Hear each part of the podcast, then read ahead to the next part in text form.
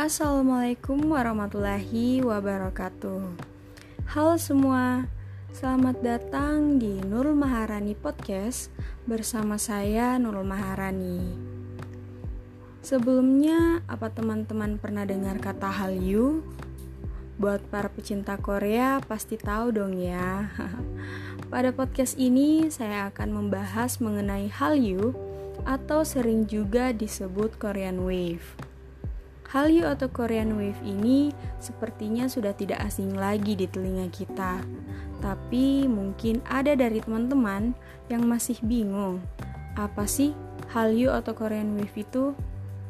Nah, jadi Hallyu atau Korean Wave jika diartikan dalam bahasa Indonesia, artinya yaitu gelombang Korea. Artinya, penyebaran gelombang budaya populer modern dan dunia hiburan Korea ke seluruh dunia yang berupa musik populer atau K-pop, drama TV atau K-drama, film, animasi, game, kuliner, bahkan fashion. Umumnya orang-orang mengira kalau Hallyu itu adalah tiga budaya hiburan Korea yang terkenal seperti K-pop, drama, dan film. Bahkan saya juga dulu mengiranya seperti itu. Tapi ternyata di negara Korea sendiri mengartikan bahwa Hallyu adalah produk budaya yang terkenal di luar negeri atau di seluruh dunia. Yang maksudnya nggak semua yang berasal dari Korea adalah Hallyu seperti beberapa artis-artis K-pop atau aktor yang dikenal banyak orang. Nah, Hallyu ini sudah mulai tersebar dari pertengahan tahun 1990-an dan masih terus bertransformasi melalui versi baru hingga saat ini. Pasti teman-teman ada yang bingung kan, gimana sih Hallyu bisa sepopuler ini hingga ke seluruh dunia?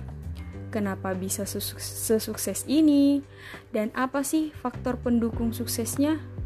Nah, untuk menjawab pertanyaan ini, saya akan mulai membahas jauh sebelum ada K-pop atau K-drama. Kim Gu yaitu seorang presiden ke-13 pemerintahan sementara Republik Korea yang saat itu belum ada Korea Selatan atau Korea Utara karena masih proses perjuangan.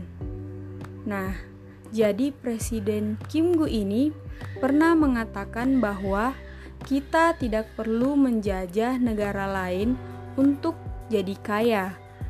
Maka, lebih baik kita mengeruk atau mengembangkan sumber daya alam negara sendiri atau yang kita punya tanpa perlu menjajah negara lain agar menjadi kaya, karena tahu bagaimana rasanya dijajah oleh negara lain.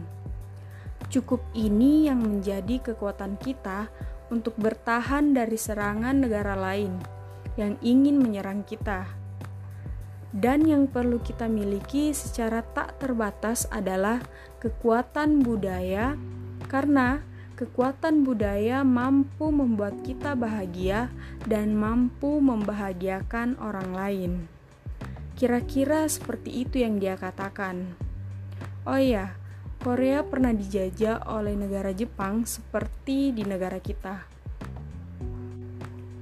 Nah, setelah bangkit dari perang saudara antara Korea Selatan dan Korea Utara, Akhirnya Korea Selatan fokus di beberapa industri, khususnya industri budaya. Pemerintah memusatkan perhatiannya ke industri kebudayaan. Demi fokus ke industri budaya dan juga karena khawatir dengan invasi dari negara lain, khususnya Jepang. Karena seperti yang saya bilang tadi, kalau Jepang pernah menjajah Korea Selatan. Maka dari itu, Korea Selatan melakukan upaya pencegahan atau membatasinya dengan melarang budaya asing masuk ke Korea, seperti membatasi game, komik, fashion, drama atau film dari negara lain. Tapi Korea Selatan sadar kalau negaranya tuh nggak bisa terus-terusan membatasi produk luar masuk ke dalam negeri dan berpikir bahwa dia juga harus mengembangkan budaya sendiri dan membawanya keluar untuk dikenal dunia. Jadi, akhirnya negara memberikan dana besar ke Kementerian Budaya untuk membangun atau membangkitkan industri budaya dalam negeri.